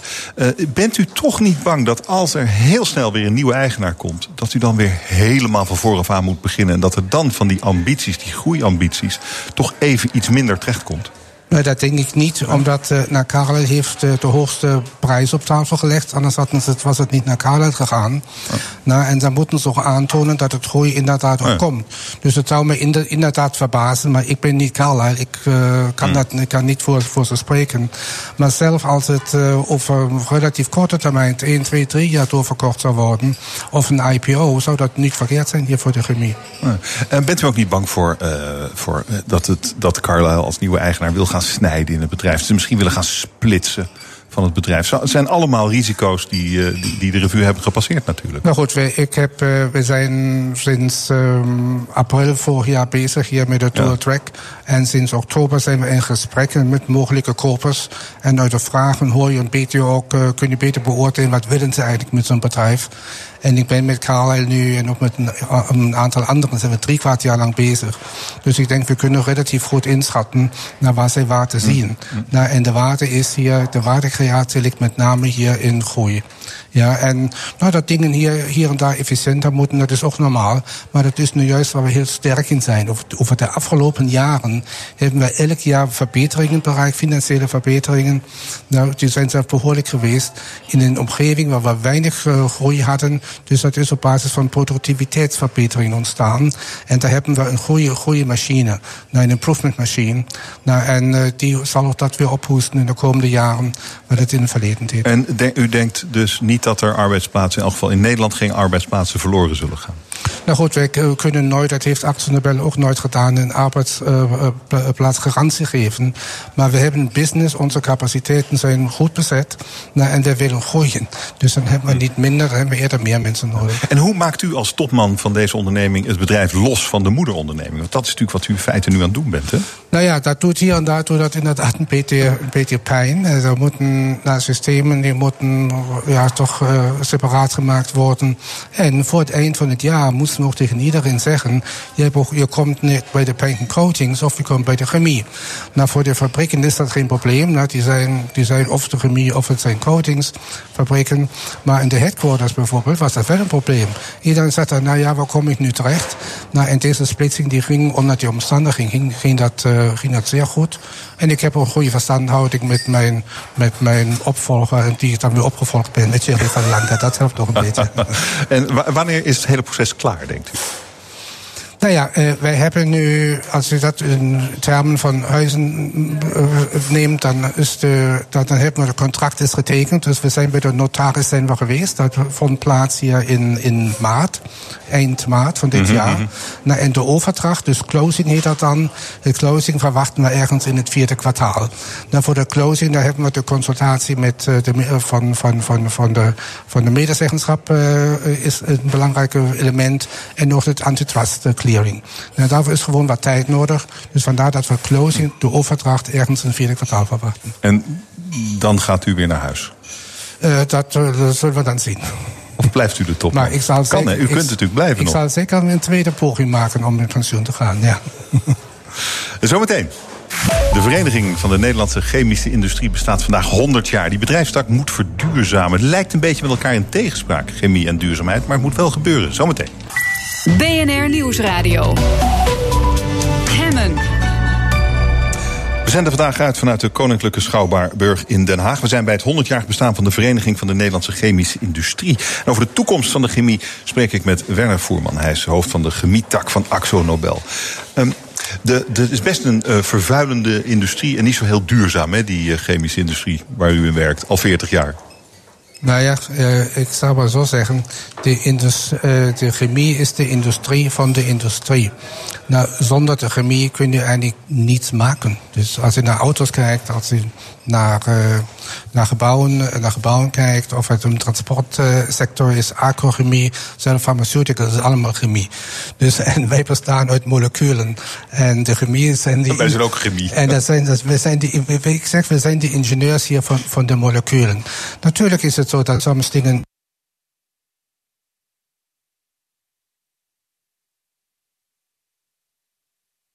wachten we vol spanning op breaking news uit Tasmanië, Trinidad en Tuvalu? Niet echt. Maar in BNR De Wereld wel de strapatsen van Trump, de strubbelingen in Europa, boze Britten, chaotische Grieken, problematische Polen. Over de wereldvrede die maar niet wil uitbreken. En vooral over de positie van Nederland. BNR De Wereld, het beste binnenlandse programma over het buitenland. Elke donderdag om 3 uur of via podcast of bnr.nl. Eh, Dat was dan eh, tw- eh, 20, 30 jaar geleden zijn het de kolen geweest. Dan is het naar gas gegaan. We hebben zelf gascentrales hier om de energie eh, te produceren, hier voor de chemieproductie. Maar nu zijn we meer, meer dan de helft, zijn al, eh, is al duurzame energie, dus renewable energy. Dus dat we hier of hier van wind, water, zonne-energie of het gebruik maken hier van, van afval en of van biomassa. Dus we hebben al die, aan de energiekant is de, al die helft vervangen hier door niet-fossiele brandstoffen. De helft al. En wanneer is de andere helft ook vervangen, denk Ja, dat duurt nog even. Dat is- gaat stapsgewijs. Nou, we hebben nu onlangs hebben we hier de contracten getekend hier voor de, voor de, voor de windmolens. Hier Bouwdokken naar en Krammer. Nou, we hebben de biomassa gedaan in Delfzijl. Nou, en zo komt één project na het andere. Dat is nog niet de oplossing dat je zo maar de schakel om kunt draaien. Nou, op, er moeten vele oplossingen voor zeer specifieke problemen komen. En nu gaan we de volgende stap. Daar zijn we mee bezig een project te maken dat we hier uit afval, uit afval en hier uh, nevenproducten hier van de chemie, waterstof, dat we daar weer hier, dat we die als grondstof kunnen benutten. Dat we dan naar, naar zogenoemd syngas heet dat. Van syngas ga je naar methanol, van methanol naar olefine. Dus dat je de petrochemie op kunt bouwen hier van, van afval naar endwaterstof. En dan heeft u geen olie meer nodig? Dan hebben we geen olie meer nodig voor deze, voor deze doellijnen. Ja. Um, de Nederlandse overheid heeft haast met de vergroening en de verduurzaming. Ja. En de Nederlandse overheid wil ook dat u als industrie uh, daar flink aan meebetaalt. Uh, de Nederlandse overheid zegt: jullie moeten allemaal van het gas af. Nou, u bent al voor de helft, uh, heeft u dat allemaal al voor elkaar. Um, maar er is nog wel wat verder te realiseren. En ik krijg de indruk dat de overheid in Nederland harder wil dan u kunt. Dat weet ik niet. Ik denk dat de overheid, uh, dus we hebben een zeer goede verstandhouding hier met de overheid, omdat we ook zoveel uh, projecten doen. Maar wij moeten ook zien dat hier, wij kunnen die, die, de chemie, dat is geen lokale industrie. Dus we zijn een global, we zijn, het is een globaal business. Onze producten moeten kunnen concurreren met producten die in Amerika gemaakt worden, in het Midden-Oosten of in China. En dat weet de overheid ook. En uh, vandaar hebben deze processen, processen, die hebben wel een beetje tijd nodig. Maar Nederland is zeker een kop Lopen, ja. als het gaat hier om uh, innovatieve uh, technologieën. Maar 2030 is wat, uh, wat, wat het kabinet zegt. Dat wij, de datum dat wij van het gas af moeten. Dat geldt ook voor u. Ja. En u zegt eigenlijk, dat is wel een beetje vlug. Nee, dat zeg ik niet. Ik denk dat wij in de chemie heel goed voorbereid zijn hier om, om zeker hier voor de energieopwekking op termijn dan geen fossiele brandstoffen nodig hebben. En hier voor, uh, voor, uh, voor het maken van de producten, dus als grondstoffen van de producten, dat is een langere weg. Uh, dat, is, dat zullen we zeker niet in 10, 12 jaar geregeld hebben. Maar de energiebehoefte, die, die zal dan wel verduurzaamd zijn? Ja. Dat zegt u heel zelfverzekerd. Het gaat echt ja. gebeuren. Ja. Oké, okay. uh, en dan zijn we nog wel een stukje verder voordat de grondstoffen uh, uh, verduurzaamd zijn. Nou, dat heeft u net uitgelegd, maar kunt u daar ook een jaartal op plakken? Nee, dat kunnen we niet. Dat is, uh, is nieuwe technologie. Hmm. Daar werken we samen hier met een Canadees bedrijf... die daar ook uh, nog heel veel vooruitgang geboekt uh, heeft over de afgelopen jaren. Het is een project waar de overheid ook bij betrokken is. Nou, en nou, dat is nog pionierswerk. Nou, dat gaat niet zo, zo 1, 2, 3 gebeuren. Maar wat nu al gebeurt, nou, biomassa kan natuurlijk nu al ingezet worden.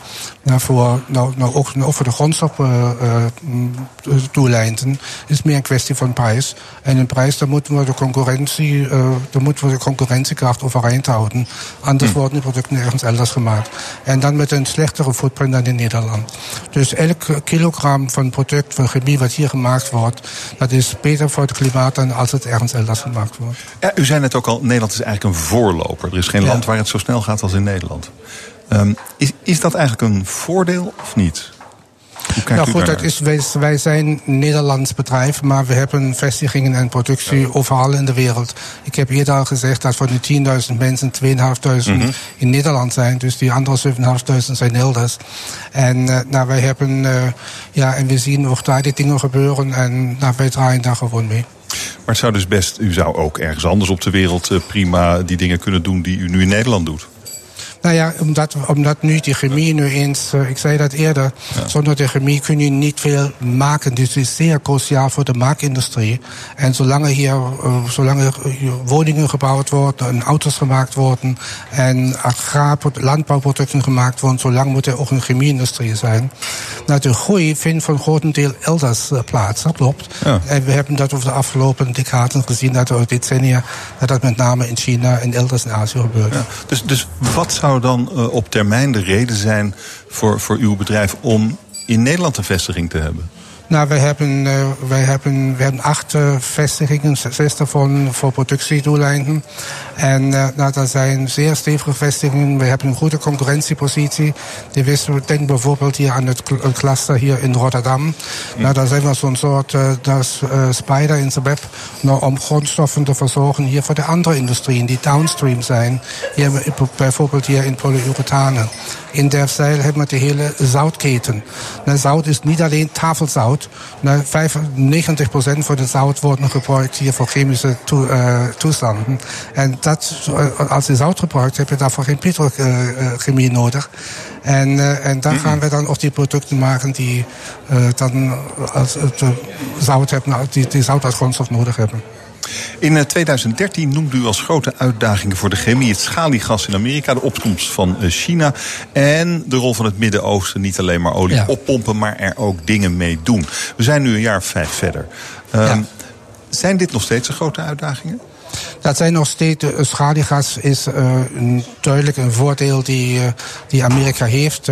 die heeft China niet, die, die hebben in Europa ook niet. En in Amerika zijn als gevolg van de schaliegasrevolutie zijn zo'n 200 miljard geïnvesteerd in de chemieindustrie. Dus dat is hier, de chemieindustrie is, die komt weer op. En dan, maar dat zijn producten die kunnen dan beter in Amerika maken. Die zijn energieintensief, die zijn pet petrochemie. En we maken hier andere producten. En dat is, we gaan verder downstream, hier meer naar de specialties, waar ons business ook een onderdeel van uitmaakt. En uh, we hebben tot dusver wisten we de concurrentiekracht overeind te houden. Hier ook in Europa. En dat kun je zien aan de handelsoverschotten die we eigenlijk met alle regio's hebben. Maar in sommige producten, nou in de, met name in, de, in het hart van de petrochemie, nou, daar heeft uh, het Midden-Oosten en Amerika natuurlijk een heel grote voordeel. Ja, en hoe ziet u zich dat ontwikkelen de komende jaren? Nou ja, in, in, in Amerika zie je een enorme groei in de chemie-industrie. En dat is, een, uh, dat is door de schaliegas. Dat is, uh, en, dat is, uh, en ze zullen heel veel producten exporteren. Dus petrochemie en energie uiteindelijk. Hier naar, naar andere regio's. Dank u zeer voor dit gesprek. Werner Voerman, hoofd van de chemietak van Axonobel. Dank u zeer. BNR Nieuwsradio. Hemmen. Hemmen. De eiersector en de overheid hebben gefaald bij de fipronilcrisis. Tot die conclusie komt de commissie die onderzoek deed naar de affaire. Ik bespreek het in... De kantine. Met vandaag Arjan Korteweg, politiek verslaggever bij de Volkskrant... en Titia Ketelaar, verslaggever bij NRC. Mooi dat jullie er zijn. Goedemiddag. Goedemiddag. De eiersector, de overheid en de NVWA hadden niet genoeg aandacht voor de voedselveiligheid. En zo kon dat enorme fipronil-schandaal ontstaan en ontploffen tot wat, tot wat het uh, geworden is. Um, Arjan, wat nu? Ja, het is om te beginnen een, een flinke kras op, uh, op het beeld van minister Schippers. Die een... Uh, die, die heel op een lovende manier is uitgeluid als minister van uh, Volksgezondheid. En die nu door deze affaire en door de manier waarop dat gemanaged is... Mm. toch echt kritiek uh, oploopt. En... Uh, ik denk dat er nu heel goed moet worden gekeken naar het, het functioneren van de NVWA, van de, de, de, de Voedsel- en, uh, en Waarautoriteit. Want daar zijn uiteindelijk de fouten gemaakt.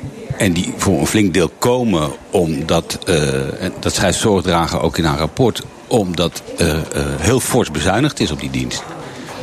Ja, um, maar goed, gaat daar iemand de prijs voor betalen? Wie, wie krijgt hiervoor op zijn kop? Ik vind dat nog heel, ik vind dat nog heel vroeg om, ja, ja. Om, om, om, dat te zeggen. Ook omdat het verschoven is van uh, volksgezondheid uh, naar landbouw. Het zit nu bij uh, minister Carola Schouten. Dus dit deel van het, het heropgerichte uh, ministerie van Landbouw is afkomstig van VWS. En ik, ik kan nog niet zeggen of die verantwoordelijkheid uiteindelijk bij haar terechtkomt. Of bij minister De Jonge, die nu de opvolger van Schippers is. Ja, maar het is een, een beetje een diffuus beeld. Ehm, minister Zorgdrager, oud-minister Zorgdrager die dat onderzoek heeft, uh, heeft gedaan, althans die commissie heeft geleid, die zegt ook uh, de bezuinigingen, je noemde het al even, er zijn enorme bezuinigingen geweest op die NVWA. Maar dat is natuurlijk ook een soort van collectieve beslissing geweest. Wie, wie gaat daar de prijs voor betalen? Ja, ja ik denk niemand. Dat, dat, verwacht ik ook niet. Die dienst heeft natuurlijk al wel naar zichzelf gekeken door het ontzettend onhandig meteen na het uitbreken van, uh, van de fipronilcrisis ja. hebben uh, gehad. En van nou, als ik u was, zou ik de komende dagen uh, geen eieren eten. Ja. Dat, dat is een uitdrukking die heel veel mensen die dat hebben gezien... wel in hun geheugen hebben opgeslagen. En die, en die veel kwaad heeft gedaan. Dus de, de profe professionaliseringsslag die daar gemaakt moest worden dat is bij die organisatie ook wel doorgedrongen. Maar als je, als je in het rapport kijkt, er zijn ook bijvoorbeeld meer uh, kantoorpolitieke conclusies die zorgdrager trekt. Um, er was een, een, analist en die vroeg zich af... hoe zit dat nou met fipronil in eieren? Is dat schadelijk? Nou, ze stelde die vraag aan een collega en die collega zei... nee, maar dit moet je volgens de officiële lijnen doen. Oftewel, je moet het eerst aan je baas aangeven... dan kan je baas met mij praten en dan verder. Ja, ja daardoor duurde het een jaar voordat ze eindelijk ja, in zijn actie kwamen. Ja. Ja. Onder andere. Mm. Um, zou, dit een basis, en, en, zou dit een basis kunnen zijn voor, voor de uh, boeren om met een schadeclaim te komen? Want er, er, zijn veel kippenboeren die, die schade hebben geleden. Maar de kippensector krijgt er in het rapport ook best van langs. Daar wordt gezegd dat zij zelf ook uh, beter hadden moeten opletten. Uh, er worden hmm. papieren onderzoeken gedaan. Er worden eigenlijk geen onderzoeken op eieren gedaan. Dus zorgdrager laat volgens mij de, de kippensector ook niet helemaal um, vrij van schuld. Ja, oké. Okay, ja, nou, ik, ik begon uh, ons gesprekje met, met een hele simpele vraag. Wie krijgt er voor op zijn kop? We weten het nog niet. Dat is de conclusie. En vooral, vooral nou ja, dat, dat vraag ik me dan oh. vooral af. Uh, uh, uh, niet zozeer wie krijgt de schuld, maar hoe zorgen we dat dit beter wordt? Zo'n zo'n ja, politieke conclusie. Um, ja, is dat nu beter? Mag, mag iemand die binnen de FVA iets concludeert buiten haar baas om, als een soort klokkenluider, dat nu wel uh, rapporteren als, als het gaat om uh, melk of uh, kaas. Ja. Of een van de andere dingen die we dagelijks eten. Veel belangrijke vragen. Ja. Um, laten we even naar Turkije gaan. Luister. Nou, ik had gehoopt op een uh, fragmentje. Goed. Nou, wat ik wilde uh, laten horen was een stukje uh, Erdogan... die weer vijf jaar de baas van Turkije is. nog voor het tellen van alle stemmen claimde hij de overwinning. Nou, uiteindelijk heeft de kiesraad wel bevestigd... maar dat wist hij toen nog niet. Dat is best gek eigenlijk. Ja, maar er zit heel veel... Aan de ene kant de uitslag stond geloof ik van tevoren wel een beetje vast. Erdogan gaat dit, gaat dit winnen. Maar de manier waarop zit zowel aan de kant van, uh, van, van de AK-partij als aan de kant van de oppositie is het, is het troebel. Omdat de oppositie heeft gisteravond gezegd... Erdogan kan wel zeggen dat 90% eh, is geteld, maar het is pas 35%. Mm. En toch zijn ze vanmorgen eigenlijk heel soepel ik geloof via een, een, een, een appbericht, uh, akkoord gegaan met de uitslag. Zonder terug te komen op hun eerdere claim van uh, die uitslag die klopt niet. Dus de, de mist stijgt op uh, van twee kanten. Ja, maar het, is onbevredigend dat zoiets dan toch in zo'n mist blijft hangen. Ja, Hoe dat, kan dat nou? Ja, dat is, dat... En, en, en er lopen er honderden waarnemers rond. Ja, nou ja, goed, het wachten is ook nog op de rapporten van die waarnemers. En dat zal nog wel een tijdje uh, duren. Maar daar lopen onafhankelijke waarnemers daar. En die zullen moeten zeggen of uh, ze onrechtmatigheden hebben gezien.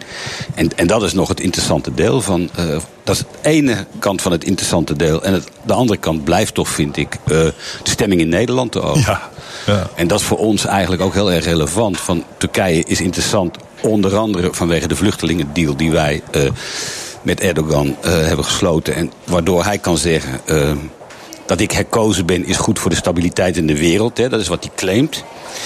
Dat is de ene kant. En de andere kant is, het zegt wel veel toch weer over de gesteldheid eh, on- onder eh, Nederlandse Turken. Dat die zo massaal, hè, 70% voor, eh, voor Erdogan hebben gekozen. Veel hoger percentage dan in Turkije. Hoe zou, hoe zou dat komen? wel 70% van de mensen die zijn komen opdagen. Volgens mij, want dat moeten we over de, de Nederlandse kiezers wel in de gaten houden. Niet ieder- iedereen die mocht stemmen, is komen stemmen. Dus Nee. dat- ik ben daar altijd in voorzichtig in. 70% van de mensen die is komen opdagen. Maar ze vonden het dus niet de moeite waard om eh, in elk geval op een andere partij te stemmen. Nee.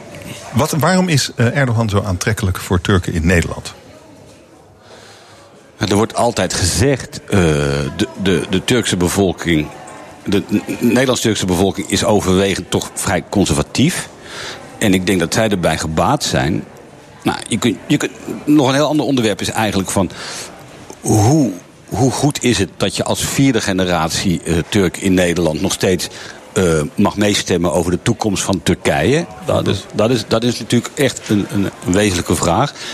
Als je dat mag, is het ook wel weer best begrijpelijk dat je stemt voor eh, een- het behouden van de situatie zoals die is. Voor een heel stabiel, zeker eh, eh, Turkije, waar soms ook dingen gebeuren die gunstig voor hen zijn. Hè. Zo, dat, dat Erdogan heeft eh, het afkopen van je dienstplicht veel goedkoper gemaakt. Wat voor veel Nederlandse jongens, Nederlands-Turkse jongens heel prettig is. Dus er gebeuren dingen waarmee hij de, de diaspora Turken zeg maar, te vriend houdt en aan zich bindt. En voor de rest denk ik dat zij. ze ondervinden niet de, de, de, de nare kanten van Erdogan. Iets, ja? Ja, daar heb ik eigenlijk niks aan toe te voegen. Sorry. Nou, Zullen we dan even gaan praten over die VMBO-school in, eh, in Limburg? De twee bestuurders van de Stichting Limburgs Voortgezet Onderwijs... die moeten vertrekken omdat er fouten zijn gemaakt... waardoor 354 examens ongeldig zijn verklaard... en leerlingen zijn gezakt. Oké, nu krijgt er wel iemand op zijn kop. Ja, de minister heeft wel gezegd overigens dat, die, dat de ei- eh, eindexamens allemaal individueel opnieuw bekeken gaan worden. Oké. Zojuist. Oké, oh, dat is heet van de naald. Eh, is dat een oplossing voor al die kinderen? Een oplossing, ja. Hoe, wat, wat zou er verder nodig zijn? Want die, kijk, die kinderen wisten niet wat er aan had. Die hebben Nee. gewoon die examens gemaakt.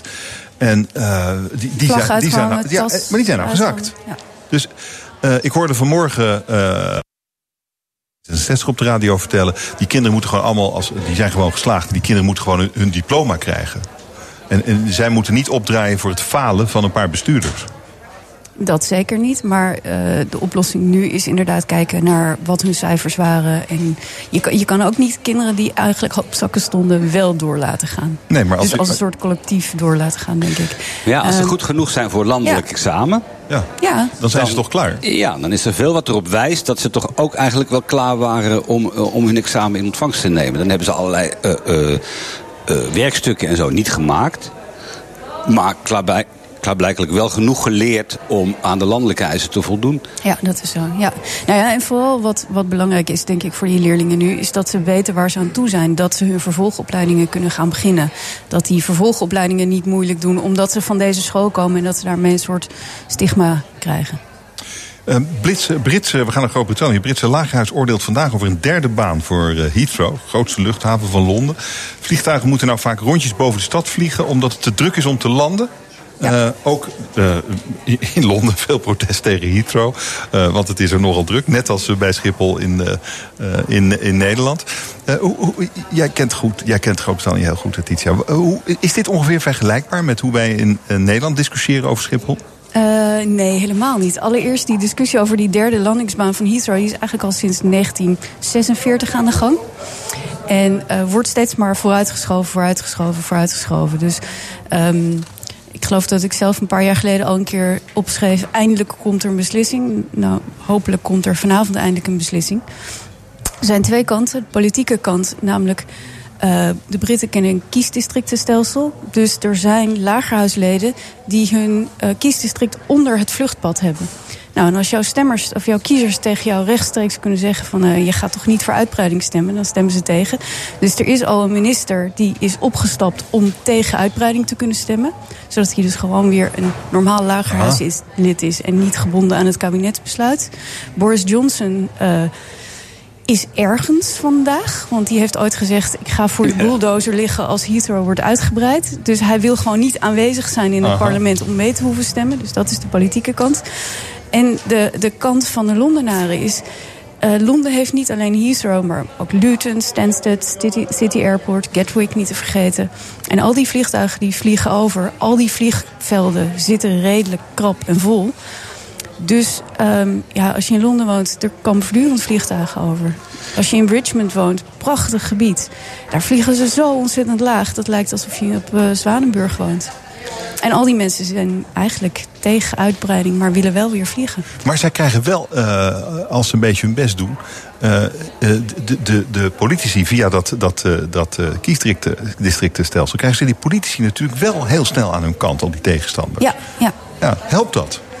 Nou, nee, blijkbaar niet. Nou, het, het interessante is wat. Kijk, er zijn natuurlijk ook. Er zijn 650 lagerhuisleden. En er zijn er, denk ik, nou, 30 of 40 die recht onder het vluchtpad van Heathrow wonen. Wat gaan al die anderen doen? Wat gaan de Schotten bijvoorbeeld doen? Wat gaan die doen? Gaan die voor of tegen stemmen? Dus het is, het is een heel interessant politiek spel wat er vanavond daar speelt. Zometeen steeds minder meisjes laten zich vaccineren tegen baarmoederhalskanker. En volgens het RIVM gaat dit voor 80 doden per jaar zorgen. Bespreek het zo in de kantine. BNR Nieuwsradio. Je luistert naar de kantine. We hebben het over het nieuws van de dag. En dat gaat Jurgen Ruijmans straks ook doen in Ask Me Anything. Jurgen, waar ga je het over hebben? Uh, vandaag gaan we het hebben over uh, vaccinaties. Uh, want opnieuw is de mm. vaccinatiegraad gedaald in Nederland. Vooral het aantal vaccinaties tegen baarmoederhalskanker daalde flink. En waarom is dat en wat kunnen we er tegen doen? dat zijn de vragen die we vandaag willen stellen. Ik wil ook graag horen van mensen ja, waarom ze niet meer vaccineren. Wat de angst is precies. En ik heb, in de studio heb ik specialisten die daarover alles weten. Ik heb bijvoorbeeld rechtsfilosoof van de Universiteit van Amsterdam, uh, Roland Pierik. Uh, die heeft daar onderzoek naar gedaan. En ik spreek ook naar de voorzitter van de Jeugdartsen Nederland. Dus uh, ja, we hebben genoeg reden om erover te praten. Ik, ik, ik, vind het raar. Ik heb mijn kinderen altijd ingeënt. Maar ik kan me voorstellen dat er mensen zijn die daar sceptisch tegenover zijn. Of die vanwege hun eigen ervaring denken, ja, doe het maar niet. Maar laten we vandaag met z'n allen proberen te mm. kijken van... je vragen stellen van wat is nou de beste manier om het wel of niet te doen. Heel goed. Leuk. Mooi onderwerp. Ja, en je weet hoe dat gaat bij ons. Je kan je vragen gewoon stellen via Twitter, het BNR. Je mag het doen via Facebook. Je kan me altijd even whatsappen. De nummer staat op bnr.nl. Of je mag een mail sturen naar askme.bnr.nl. Maar Roelof, je weet het zelf. Ja, wij bellen. Goed zo. 020 468 0 En dan kan je vraag live stellen in de uitzending. Jurgen, veel plezier zometeen, hoewel het onderwerp leent zich daar niet voor. Nee. Uh, goed, we praten verder in de kantine. Ask Me Anything vanaf twee uur op BNR. Uh, eh, Arjan Korteweg is hier, politiek verslaggever bij de Volkskrant... en Titia Ketelaar, verslaggever bij NRC. Ja, dat vaccineren, ik vond het toch verbijsterend ook weer... dat er toch nog heel veel kinderen niet worden ingeënt... Uh, op basis van argumenten die eigenlijk niet zo valide zijn. Nou, vooral dat het sinds vier jaar geleden zakte Nederland onder de 90% vaccinaties. En dat daalt alleen maar verder. Um, ja, waar gaat het heen? Hoe komt dat? Um, volgens mij zei het RIVM twee dingen, namelijk uh, Bijbelbelt, altijd. Dus mensen die uit religieuze overtuiging niet willen inenten. Maar ook steeds vaker hoogopgeleide ouders die vragen gaan stellen over waarom, waarom vaccineren. En dan uh, zichzelf uh, ja, gaan, gaan googlen. En, ja, en dan, uh, en dan stuiten we op allerlei uh, horrorverhalen over verschrikkelijke bijwerkingen, zoals het chronisch vermoeidheidssyndroom, dat je daarvan zou kunnen krijgen. Uh, maar het RIVM zegt al een tijdje dat dat allemaal onzin is. En dat geloven ze niet. Wat ligt hieronder, Arjan? Wat ja, denk jij? Ja, er zit denk ik wel een soort grote beeld onder. Want het is niet alleen uh, vaccinatie tegen uh, baarmoederhalskanker... maar alle, alle ja. vormen van vaccinatie ja. staan ter discussie. En en dat past misschien bij een, soort toenemend wantrouwen tegen autoriteiten. Van, oh, dat wordt me verteld, nou, uh, dat zoek ik lekker zelf wel uit. Uh, dat, het, het past bij de verdergaande individualisering van uh, mensen willen zelf uitzoeken en zelf uh, beslissingen nemen. Dus gaan zelf bij dokter Google uh, te raden om te kijken wat die er dan van vindt. En uh, nou, ik heb dochters in die leeftijd. Ik heb het ook gehoord in de, in, in, van, van vriendinnetjes in de klas en zo. Die allemaal in, in, ieder geval dat, dat het geen vanzelfsprekendheid is dat het gebeurt. Dat het, zoals je altijd gevaccineerd werd zonder dat er vragen bij werden gesteld... is het nu onderwerp van discussie. Van willen we dat wel en helpt het wel? En misschien moet die campagne om uit te leggen waarom het dan zo belangrijk is, wel enorm worden geïntensiveerd. Is die niet, is die niet krachtig genoeg geweest? Ja. We kennen het natuurlijk ook niet meer. Hè? Ziektes als uh, rode hond of maas of een individueel geval polio. Dat, dat is al zo lang weg in ons eigen land. Um, dat, Ja, je hebt, geen, je hebt geen voorbeelden meer om te laten zien hoe, hoe, erg, het is. Maar het is voor jou en voor mij en voor ons allemaal bloedlink als mensen zich hun kinderen niet laten inenten. En daarom kwam ik met die 90 procent. Dat, dat is een grens waarbij, als we daar verder onder zakken... dan betekent het ook dat kinderen die wel ingeënt zijn... een groot, of, kinderen die nog niet ingeënt zijn, maar zwak zijn... of uh, andere, dat die kans raken om besmet te raken... Waarom, door kinderen die niet uh, ingeënt zijn. Waarom laten we dan die andere ouders een risico met onze kinderen nemen? Ja, dat is, dat is een goede vraag. En het is, het is wat Titia net zei. Het zit bij hoogopgeleide ouders. Hè. De, ik geloof dat Italië het allerergste is. Of het aller, uh, de allerlaagste cijfers heeft in Europa. En die zitten ook in, in Noord-Italië. Waar de, waar de meer welgestelde, uh, hoogopgeleide Italianen uh, de meerderheid hebben. Dat, dat, dat die vaccinatiegraad echt enorm terugloopt. En het zit in heel West-Europa lopen die cijfers terug. Dus dat, dat wantrouwen tegen, van, dat kan ons wel gezegd worden, maar hoe gezond is dat? En die onderstroom die er ook is van uh, bewust leven, uh, uh, niet, niks nemen wat niet per se nodig is aan medicijnen, die speelt dan natuurlijk ook een heel sterke rol in. Ja, maar ja, jouw oplossing, Arjan, is ja, betere campagne. hebben we geen zwaardere middelen nodig? Verplichting. Bijvoorbeeld? Maar dan, ja. dan, kom je aan de integriteit van je eigen ja. lichaam. Ja. Hè? Dan, dan krijg je meteen een hele ethische discussie. Maar het gaat ook om de integriteit van iemand anders zijn lichaam. Ja, ja. Nou, dat is, dat is, dat is, dat is een, een, een, een dilemma. Ja, okay. ja maar goed. laten we het daar even bij laten. Nou ja, maar dat, is, dat is heel moeilijk om zo op, op een maandagmiddag uh, een oplossing voor te geven. Want laten we dat verplicht stellen, die, uh, ja, maar een stukje, die, in, die inenting. Een stukje verderop hier van de Koninklijke Schouwburg, aan het Binnenhof, moeten ze daar natuurlijk wel over nadenken. Ja, dan moeten ze erover nadenken. En dat gaan ze ongetwijfeld ook doen. Ja. Nou, uh, politiek, geweld. In Nederland worden lokale politici vaker bedreigd. Het aantal bedreigingen is met 2% toegenomen. Bijna 30% van de, de politici, lokale politici, heeft er mee te maken. Uh, ik, ik vind dat een vrij uh, uh, hoog getal. Jij, Titia? Ja, ik ook. Ja. Wat, het, wat zegt dit over ons land? Uh, nou, het, het zorgelijk is als je dit soort cijfers hoort. Stel je voor dat jij jong bent en je wil de politiek in. Je wil iets gaan doen voor de samenleving. En je hoort dit soort um, getallen. Je hoort wat mensen over zich heen krijgen. Doodsbedreigingen, bedreiging met verkrachting als je vrouw bent. Wil jij dan nog politicus worden? Of wordt het steeds minder aantrekkelijk? Je krijgt echt een hele hoop over je heen. Ja. Je moet eerst zeggen, het is heel erg, die bedreigingen. En vervolgens, die cijfers die er nu uit zijn gekomen... daar moet je wel een kanttekening bij plaatsen. Het is marginaal gestegen. Het is bij burgemeesters aanzienlijk afgenomen. En uh, dat onderzoek de respons op dat onderzoek was beperkt. 30% heeft gereageerd. Oh. Dus 70% van de bestuurders en de volksvertegenwoordigers vond bedreigingen niet interessant genoeg om aan dit onderwerp uh, mee te werken. Dus ik relativeer het ook wel een beetje. Ja, oké, okay, het valt wel mee eigenlijk dan. N maar, ja, als je dan, maar als je dan gisteren Ahmed Abu Talib van Rotterdam hoort, ja. luister. Ja. Dat was na van een debat met uh, Denk in de gemeenteraad van Rotterdam over Pegida. Ik heb uh, besloten Pegida niet te verbieden, maar gewoon te laten demonstreren. Uh, ja, en dezelfde middag liep er een, een ernstige doodsbedreiging binnen. Ja. Ja, een ernstige doodsbedreiging omdat de burgemeester doet wat burgemeesters moeten doen. Ja. Waardoor die dus niet beveiligd wordt. Ja. ja. En dit is, uh, nou ja, de, de, de, de, er schijnt nu een soort van team te komen dat uh, politici, beginnende politici, komt, uh, komt helpen. Als je burgemeester wordt, komen ja. ze eerst even naar je huis kijken of het te beveiligen is. Of ja. misschien meer maatregelen nodig zijn. Nou, lekker begin. Ja. En, en, daar gaan ze nu mee beginnen. Hè. Het blijkt dat van de volksvertegenwoordigers en bestuurders nu nog maar 20% bij het in dienst treden, bij het aantreden, het aanvaarden van het ambt, uh, dat soort voorlichting krijgt. Dus er is ook echt nog wel een achterstand uh, uh, in te lopen op dat gebied. Ja. Iets, iets, anders, ook een beetje politiek. de fractievoorzitter van de VVD in de Tweede Kamer, Klaas Dijkhoff, gaat vanavond in Veldhoven optreden met een cabaretier over vluchtelingen. Ga je kijken, Ariel? Nou, ik hoop dat hij de, de titel Spitsroede lopen heeft uh, geclaimd voor zijn, uh, voor zijn optreden. Ik, Klaas Dijkhoff, ik vind het een heel interessant onderwerp. Klaas Dijkhoff is bezig met zijn positie te vinden. Naast Rutte, om Rutte heen. Van wat ben ik dan? Hij doet dat op hij probeert heel volks, populistisch in, vol, in, in voetbalprogramma's te gaan zitten. Uh, uh, zijn toon, zijn manier van spreken, het Brabantse benadrukken. Dat Hmm. hoort er allemaal bij. En, en vanavond ook. Maar vanavond is echt heel tricky. Die combinatie van humor en vluchtelingen is natuurlijk een ongelooflijk ongelukkige zet. Waar uh, de afdeling voorlichting hem echt voor had moeten behoeden. Dit waarom denk jij dat ze het toch gaan doen? Ik heb geen idee. Ik zat net te denken, waarom niet een ander onderwerp? Waarom begin je met vluchtelingen als je... Als je cabaretier wil worden. Als je cabaretier wil als je, Dit wat helemaal voor in zijn hoofd zit, denk Ja. ik.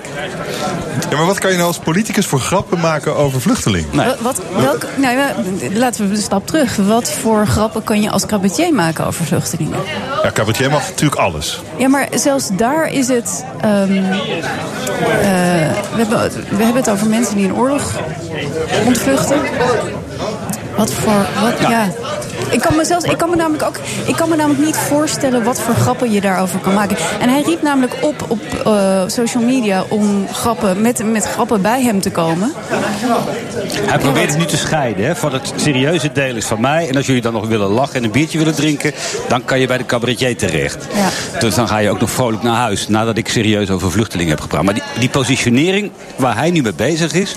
van dat hij aan de ene kant een getapte jongen is... en aan de andere kant streng beleid wil uitvoeren...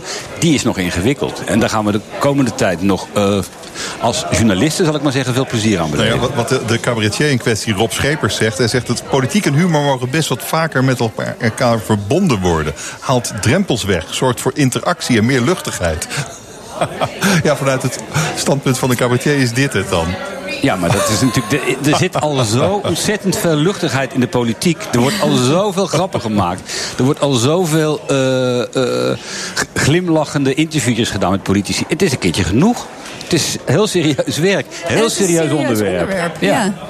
Nou, ik ben heel benieuwd eh, wat de grote grap van Klaas Dijkhoff wordt. We gaan het eh, misschien wel in de Volkskrant lezen morgen en anders in NRC. Het is tijd om de kantine dicht te gooien.